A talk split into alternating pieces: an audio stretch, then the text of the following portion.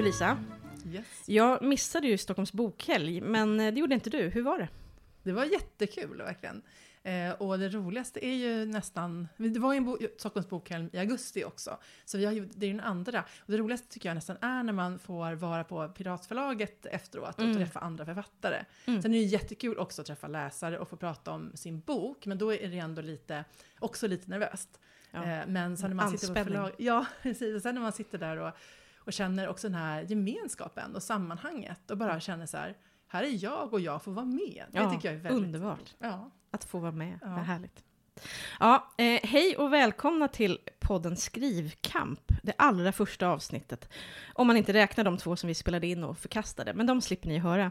Eh, jag heter Malin Havind och sitter här med Lisa Bjerre. Yes.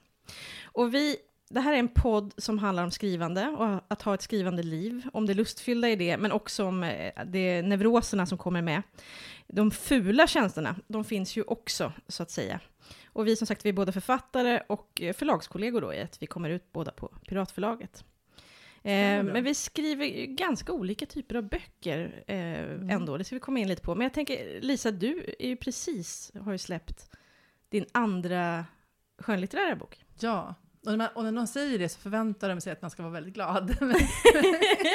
Men, jag känner ju, ja, jag är glad och tacksam allt det här, men jag känner ju också så, så nervös bara. Det är Mm. liksom så, det är ju väldigt obehagligt samtidigt. Att, eh, det är roligt, men det är också obehagligt för att nu blir det ju en bedömning och man vet inte om Den någon finns där ute nu. Ja, Mm. någon, om någon ska bestämma sig för om de vill läsa den eller inte. Mm. Om de läser den så vet man inte vad de kommer tycka om den.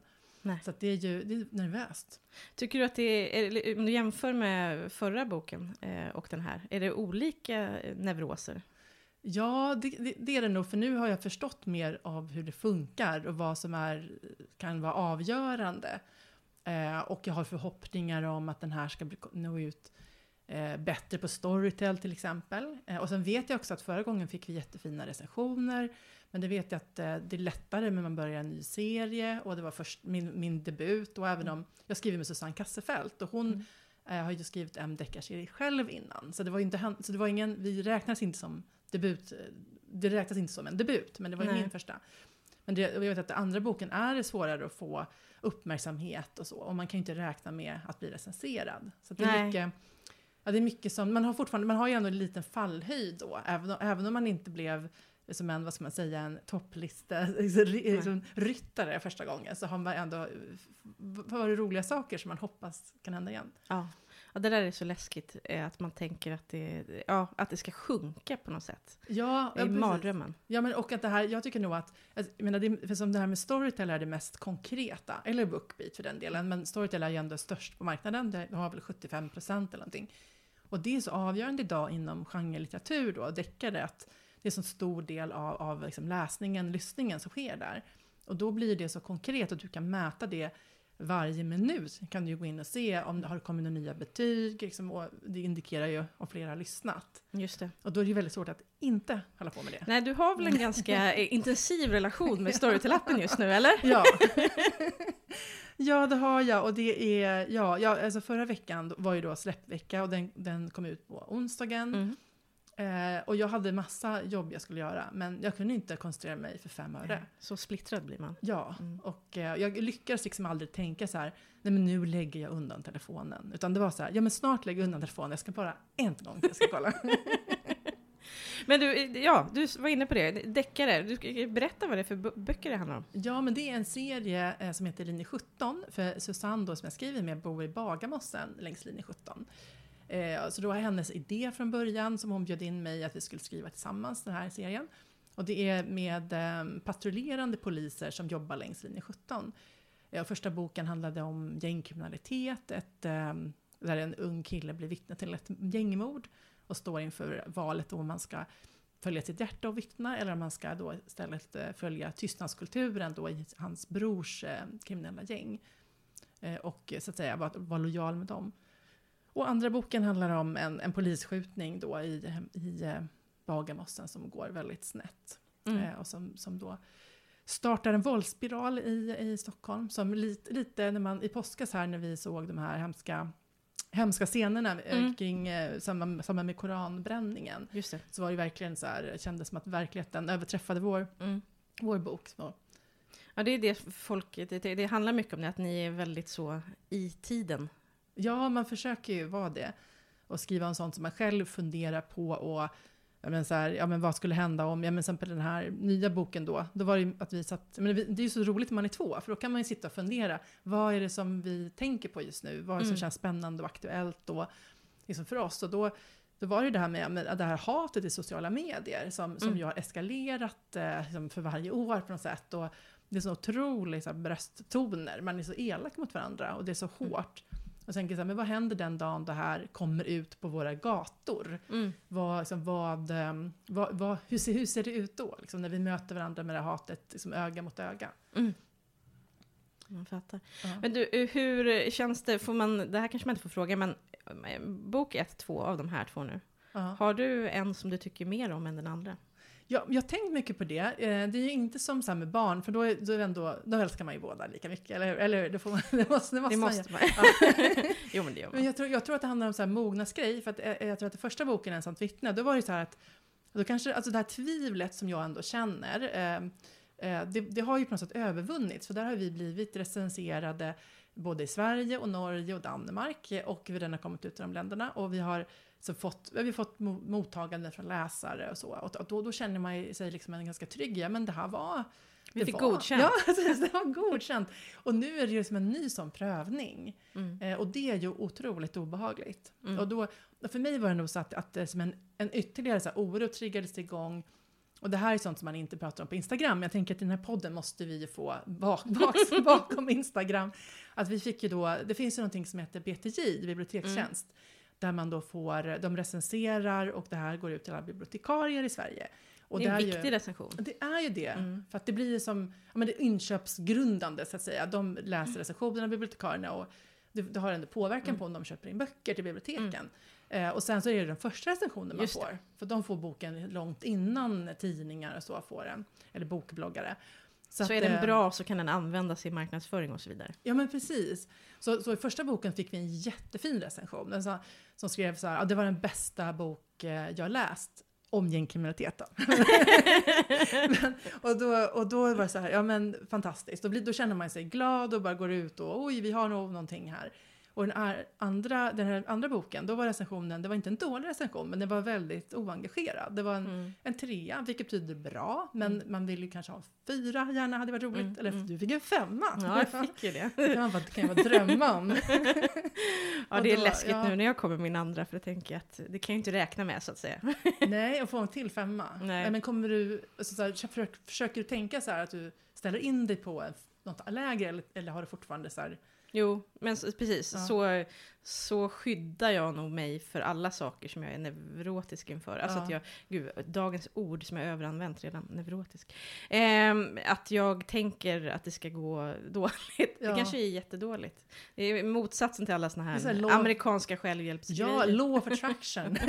ja, jag men det tror ju inte på det. mig. men det blir ju- ja men för mig var det som att när den trean kom, då var det som att innan dess hade det inte varit så verkligt allting. Men då blev det ju så verkligt och så blev det, då, då, då triggade det den här spiralen av katastroftankar. Mm. Att, ja men, åh gud, den kanske är en jättehem, det här kanske är en dålig bok. Alltså det kanske är så här Mm. att förläggaren bara ljög när hon sa att hon gillar den. Liksom. Man- man får de här orimliga tankarna. Mm. Att, att det här kanske, nej men gud, och, då, och det som händer då är väl, det är ju skam för mig. Mm. Som att jag, att jag känner då, men börjar tänka så här, men gud ska jag låta mina vänner läsa den här boken som är helt, eh, ja men, ja men liksom, det finns ingen poäng med den överhuvudtaget.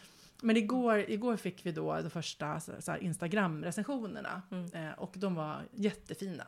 Mm. Så då kände jag att, att ja, nu börjar det kännas bra. Ja, jag fattar. Du har fortfarande inte svarat på min fråga. Jaha. Du har inte valt mellan dina barn. Jaha, jo men jag tror, jag, just nu känner jag ju att eh, förstfödda är, eh, är jag, liksom- men det är nog för att jag så vågar älska den mer för att jag vet att den håller. Men- Ja, du har fått Men, det yttre ja, godkännandet. Precis, Ah, men, men nu, mm. nu tror jag att, eh, jag tänker att om man, just nu känner jag att det är min favorit, men jag, tänker, jag hoppas att om ett halvår, ett år, då kan jag liksom Mm. känna att det här är två likvärdiga barn så att säga. Mm, intressant. Ja. Jag tänker, an- antingen är det så, eller så är det, tänker att man alltid att det senaste man skrivit, det är Just det man det. håller högst. Ja, på något det sant. Mm.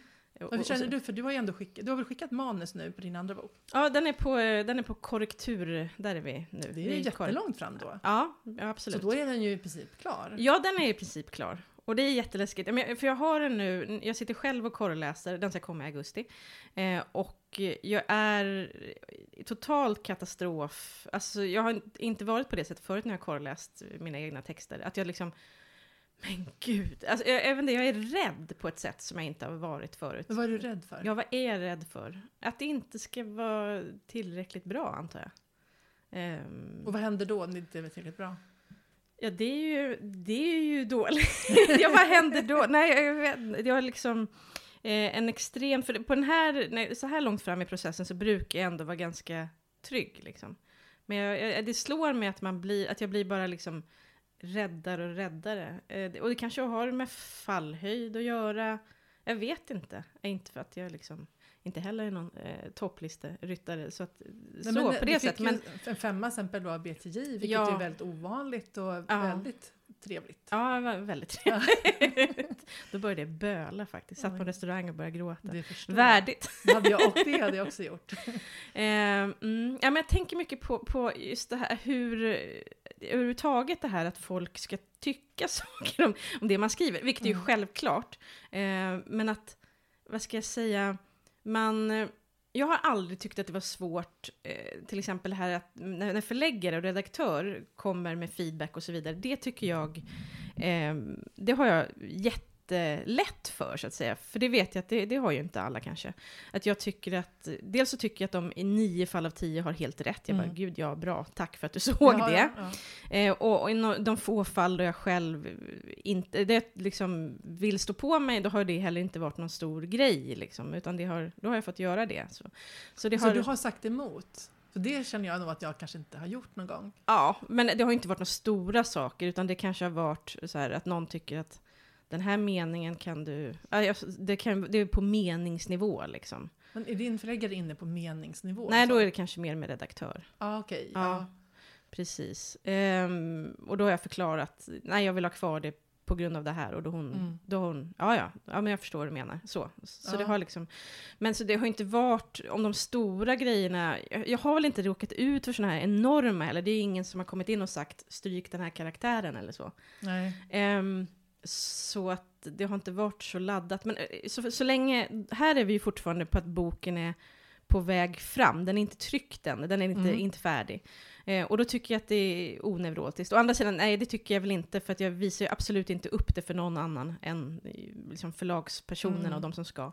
Eh, men sen när den finns och är mm. där ute, och det är ju självklart att folk ska tycka om det. Det ingår ju liksom i, det är ju någonting, man sticker ut hakan såklart när man skriver någonting och tycker att och får det publicerat. Mm. Eh, då får man ju räkna med att folk ska tycka. Man vill ju också det. Det hade ju varit ja, väldigt tråkigt om ingen sa Precis. Det. Och ett, det är ju faktum att, eh, att, att det på något sätt är ett bra betyg att folk tycker olika. För att jag vet inte, annars hade man ju skrivit kanske något slätstruket. Men lik förbannat så är det ju svårt det där. Apropå ja. det här med att böcker är som, som barn. Liksom.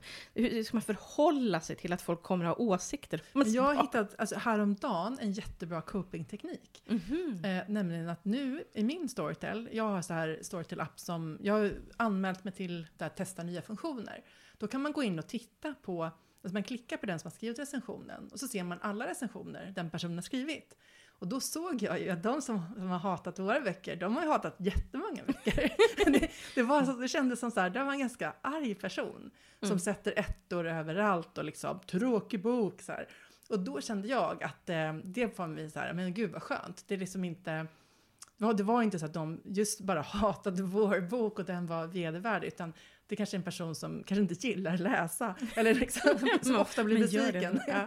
Så kanske är på dåligt humör. Och då mm. kände jag att det var skönt att, eh, ja, så att kunna släppa det. Men det är klart det är annorlunda om det är en, en tidningsrecension mm. eller något liknande. Mm. Att eh, de här Storytel, där kan man ju lättare ändå tänka att det här var en person som ja men alla kan inte älska ens böcker då tyvärr. Nej. Men, ehm, Jag är på samma spår det här med att man kollar övriga, övriga recensioner och så vidare. Det kan man också se ibland kanske att en person som har varit väldigt positiv till en helt annan typ av böcker än den man själv, då kan man, ja men den gillar inte det. Ja. Ja, precis, läs det du gillar då. men precis. Låt bli Ja. våra böcker. Precis, då, då kan man ju verkligen känna att eh, det finns en logik. Då kanske jag, nu låter det här jätteosympatiskt, då kanske, ja ja, men det är bra att den här personen inte gillar min bok, Ja, men, för den, för den gillar Ja. några dåliga. ja, men eller hur? Man, man måste ju använda alla, alla, alla samtal Mm. med sig själv för att det ska kännas bättre tycker jag. Ja.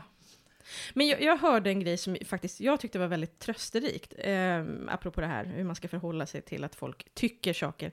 Eh, och det var en intervju med eh, artisten Thomas Andersson Vi. Mm. Han berättade då att han i samband med, om det var hans första eh, platta som släpptes eller vad det var, så hade han fått ett råd av en mer erfaren person i sin bransch, men jag tänker att det här är precis lika applicerbart på hela kultur, alla kulturformer. Mm. Eh, eh, då hade en person kommit fram till så här, ja men nu kommer folk börja, liksom, nu kommer recensioner, det kommer, folk ska tycka saker. Och det, det som de ger sig på som mest, det de kanske, kanske till och med hånar i Mm. det du gör, det du ska värna mest om. Jaha, Det tyckte jag var lite fint på något sätt. Det var väldigt intressant. Ja, och det där, jag har gått och tänkt mycket på det, för det där är ju liksom, det är en sak att, att kunna ta emot, när, liksom, när förläggare, det, alltså det här att kunna ta kritik under gång, att man självklart inte ska liksom vara någon, Mm. eh, liksom, stå, bara stå på sig och tänka det här är perfekt från första början, då är man, då är man ju bara en dålig författare. Som inte Ja. kan ta, men, men att det ändå finns någonting, jag tänker att man inte ska kompromissa bort för mycket av sig själv heller i det, Eh, och- Ja, men det är ju inte, för det där är ju en stor Mm. skillnad, för, för, en, för, liksom en förläggare och redaktör såklart, deras feedback kommer ju ur välvilja och ur liksom ett, ett Mm. gemensamt intresse av att det ska gå bra. Ja. Medan det, det måste man ju ändå säga att alla, om vi verkligen tittar på de här Storytel-recensionerna ibland, de kommer ju knappast ur välvilja. Som sagt, vissa människor verkar ju vilja sitta där och bara Ja, ja men precis. slå man- ja. på folk. ja, verkligen. Ja, de, de, de, de tar inte hänsyn till att det sitter en stackars darrande författare där och Nej. läser. Och, men, nej, och det men, kan gälla, ska vi också säga verkligen, alltså riktiga kritiker på tidningar så att säga. Mm. Vissa, ja, det vet vi ju alla, det är jätteroligt att läsa en, en välskriven sågning. Ja, men- och de, ja, Det är ändå också, det är i slutändan, även när det gäller stora, stora författare som det går bra för, så är det ju en människa där bakom. verkligen. Ja, det har ju, och det finns ju verkligen en sån vad ska man säga, tendens att det blir hårdare och hårdare tonläge. Mm. Men, eh, vi, ja, men våra böcker har ju inte blivit recenserade på kultursidorna på det sättt, utan det blir ju deckarspalter. Så Mm, där tänker mm. jag att då brukar ju de mest lyfta upp de böcker som de gillar. Att om man inte Mm. gillar en bok kanske man inte ens eh, så att säga, omtalar den. Så att, Nej.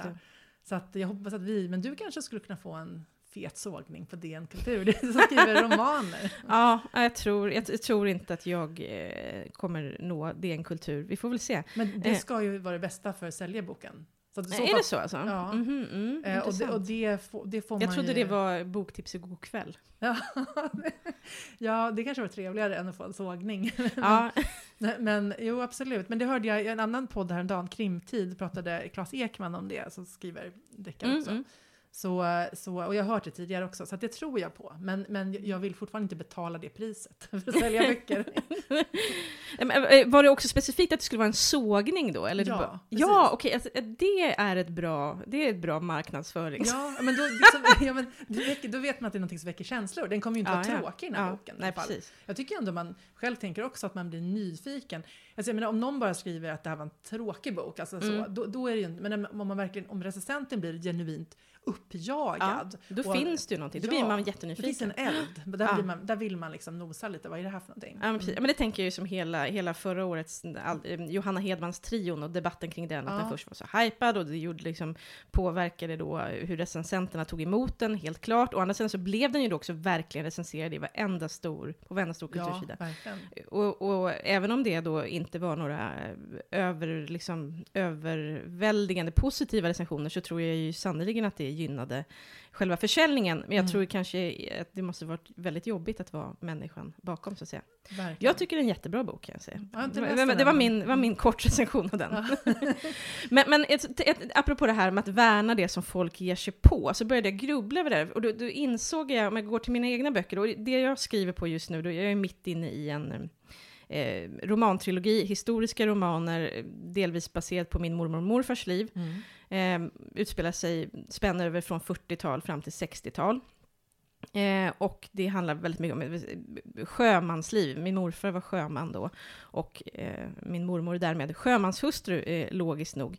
Eh, hur som helst, så det jag tänker på att det som jag har fått mest kanske positiv eh, att folk har tyckt mest om i första delen, är också det som några har stört sig på. Mhm, vad är det? Det är att det är, vad ska jag säga, det här är ju, det jag skriver är ju så att säga, det är ju inte så actiondrivet om man säger så. Det är, inte, Mm. det är klart att det händer saker, men det handlar väldigt mycket om att vara nära, nära inpå Dagmar som är huvudpersonen. Mm.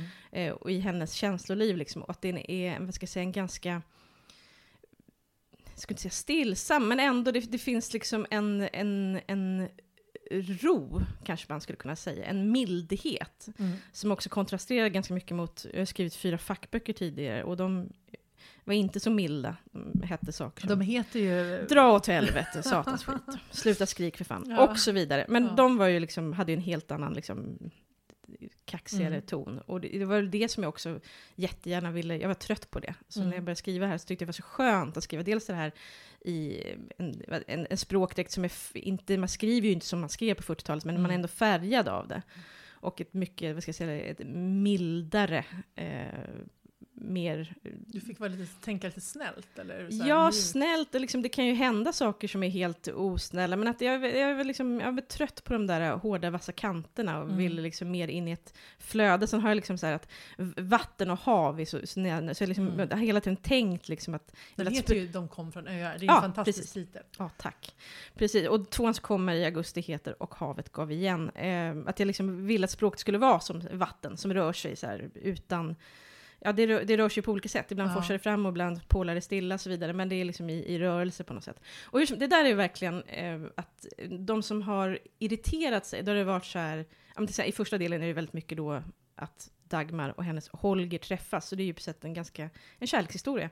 Ehm, första kyssen kommer inte förrän på sidan 156. Jag kommer inte ihåg om det var exakt den sidan. Men så här, jättefrustrerad. Någon Var det en kanske, Storytel-recension eller? Ehm, ja, kanske. Eller om det var någon sån eh, blogg, bokbloggare eller något. Jag minns faktiskt inte. Det var ju inte en tidningsrecension. Men det var någon som var frustrerad som kanske hade liksom väntat sig något mer. Det är lite mer tand... Eller nu ska jag tandsnusk är ett dåligt ord, men jag tänker, jag provade en gång att läsa en eller lyssna på en av de här norska, vad man säga? Isfolket? Nej, nej, Nej. De, de läste jag med Mm. mycket stor behållning, men då var jag väl tio år gammal. Så. Ja. Men, men, men, men, men jag har all respekt för de som älskar de böckerna, de var ju häftiga. Men, men de här norska serierna som går så otroligt bra på Storytel, eh, som Laila Brännsen och så, som Okej, finns i så två miljoner det. delar. Mm. Och då var det, det tog väl 26 minuter, sen kom det ett rejält jävla bondknull liksom. så röd om kinderna när jag stod och, och vek tvätt. Så att jag tänkte att det var det kanske man hade Ja, tänkt sig. nej men precis. Eh, Och det tycker jag inte heller. Jag tycker inte att det är någon fa- falsk marknadsföring, för det är inte... Ja, det finns inte den inramningen heller. Men det jag tänker att där var nog väldigt mycket en person som var van vid att läsa en annan typ av böcker, som Mm.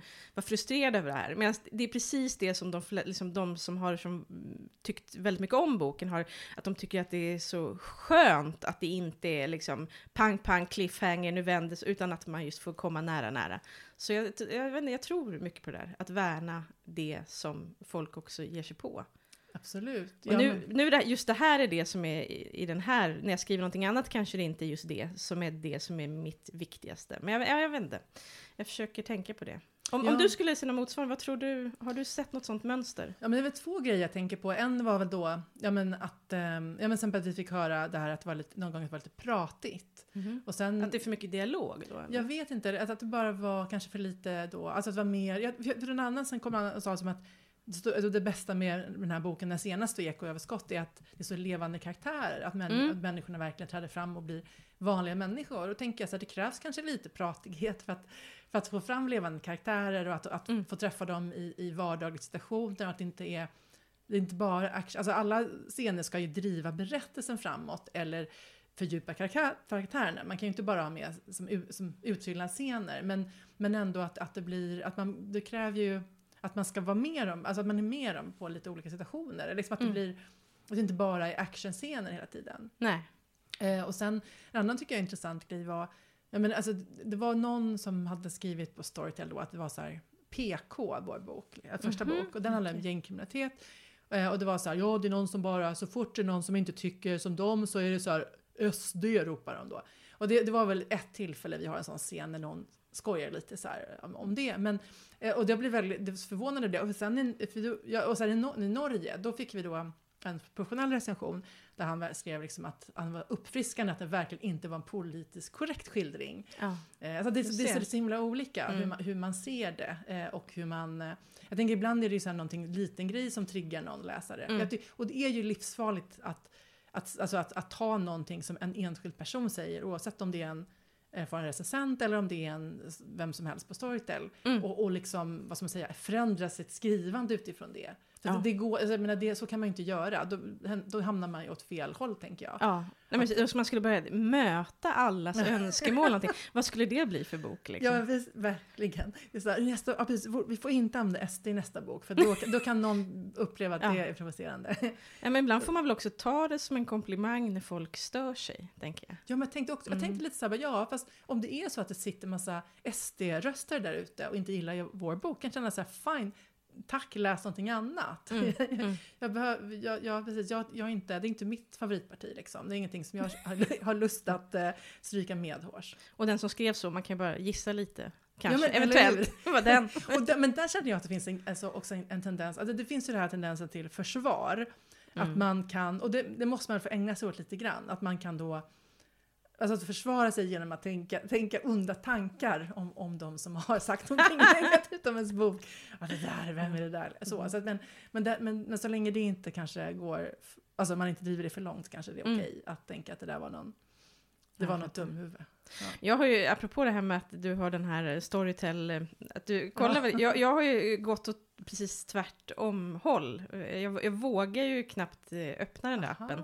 Det är dels för att jag är själv, det ska jag ju erkänna då, inte är någon stor, alltså jag, jag är ju väldigt, jag, jag konsumerar pappersböcker. Mm. Eh, men eh, jag, eh, och jag tror att det är för att jag har hört i förlagspodden att de har pratat om att det finns liksom en tendens att folk är väldigt råa i sina, att det är liksom, Mm. att man har närmare till att såga en hylla ofta, och det hylla behöver man inte heller göra, men att det, det är inte så nyanserat kanske. Nej. Det, och det, de, det jag, jag har ju varit inne det jag tänker på, och det, även när jag kollar på andra, handlar inte om mina egna böcker specifikt, utan att det kanske finns en tendens att det är antingen, det är liksom onaturligt mycket femmor och ettor på något sätt. Ja, det stora hela. det. Att Mm. folk är liksom, att det kanske är då man, sen kanske, när man tycker att det är tre, två, tre, fyra kanske man inte säger någonting eller man inte, jag vet inte. Och själv är så, har jag blivit då, eftersom jag då är lite känslig, så, så vill inte jag heller, jag, jag till exempel på Goodreads, våg, jag har ju slutat helt att sätta betyg på böcker, så jag bara, no Mm. rating. För jag, jag, tänk om den författaren skulle se, och sen har den, och då har jag tänkt att det behöver inte vara, den kanske blir ledsen för en trea.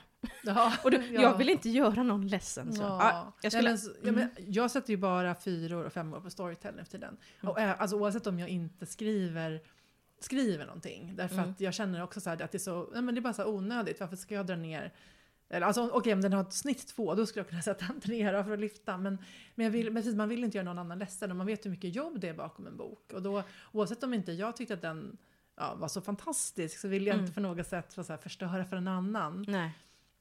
Och, eh, och den här ris- lilla risken att det någon gång syns. Ja, precis. ja, det är ju svårt också. Jag tänkte, man själv sitter och skriver och som sagt man är medveten om, om arbetet bakom. Eh, ja, det är svårt. Jag, jag skulle tycka det var väldigt svårt att jobba som litteraturkritiker och samtidigt vara författare. Att det, Ja, det är en knepig kombination. Mm. Och, man, och det blir ju omöjligt att inte då, om man blir sågad av en person som själv skriver, tänka så här, ja men din bok då? Ja, Alltså, precis. det är inte Men jättemoget, men, ja, men det går ju liksom att inte att, att, att låta bli att tänka den tanken. Eh, så att jag ja, det, det är en knepig kombination. Mm. Men i mitt privata liv så är jag konstant. jag, väldigt ofta så, jag och min man läser ofta samma böcker efter varandra. Och sådär. Så det, mysigt. ja, det är jättemysigt. Så då kan det ju vara, apropå det just trion, den var uppe just nu, för att jag läste den för länge sedan, men han läste den nyligen. Och det var liksom ett ständigt pågående samtal ett par veckor, det var liksom, men hur var det här, man går, du vet, och så går och pratar om. Vad hur man, roligt, och, ja. de land, ja, all, det är ju också en sak, att alla böcker landar ju olika i olika människor. Så är det ju verkligen. Och det är väl det som är det, det är väl det, är väl det, själva det som är det häftigaste med litteratur överhuvudtaget nästan. Verkligen. Och att det är så olika, vilken fas i livet man befinner sig i eller Mm. vad man vill, tänker på just då. Det kan vara så mycket som påverkar det. Ja, verkligen. det Ja, det, är ju efter, ja, för det, är, alltså, det blir ju som att få möjlighet att kika in i någon annans värld. Det är ju Mm. underbart. Ja, ja men det, det tänker jag. Och att hela grejen med både skriva och läsa, det är att man får en chans att leva flera liv Ja. på ett sätt. Och det är ju det är ju magiskt när det, när det blir så. Att när man verkligen försvinner in i en bokvärld. Ja. Vare sig man skriver eller läser. Ja, men så får man, tycker jag, jag gillar ju det här med research, att man får möjlighet att, Mm. ja, men att snoka på massa grejer. Alltså det, jag är ju journalist i grunden och då, det är ju som, som en liksom rättighet att ställa så här ofina frågor till folk. Och det är ju Mm. liksom underbart att få alltså, förstå hur, vad andra tänker på. Och det är Mm. samma med, med författare, man, att man får göra intervjuer och ställa massa konstiga Mm. frågor och liksom verkligen grotta i hur andra människor har det i deras vardag. Så Ja, hur, hur, verkligen. jag visste ingenting om hur det var att vara polis innan vi började skriva den här serien. Nej. Jag kan inte säga att jag, att jag vet exakt hur det är nu heller, men jag vet väldigt mycket mer. Ja. Och det har varit väldigt intressant. Ja. Ja, precis. Och få snöa in på detaljer. Men där kan jag då falla ner i små hål eh, ibland. Att jag verkligen går ner. Att jag, jag ska kolla upp någon liten grej och sen så, oj, nu gick tre dagar till att jag undersökte Andrea Doria-olyckan till exempel. För att det var för intressant. Jag tror att det är någon form av märklig, alltså det är, det är en, ett sätt att prokrastinera själva skrivandet. Ja. Att fastna Det i finns researchen. väldigt många sätt att undvika skriva. Precis. Allting man vill göra är att skriva. Och allt man eh, gör är att gå runt det. Det, är, det där är ju märkligt. Det kanske vi kan prata mer om en annan gång. ja. Men vi kanske har pladdat klart för idag, Lisa. Vad tror du? ja, men det tror jag vi har. Ja. Eh, tack så jättemycket för att ni har lyssnat. Det här var podden Skrivkamp med mig, Malin Havind. Och Och Lisa Bjerre, hej då! hej då!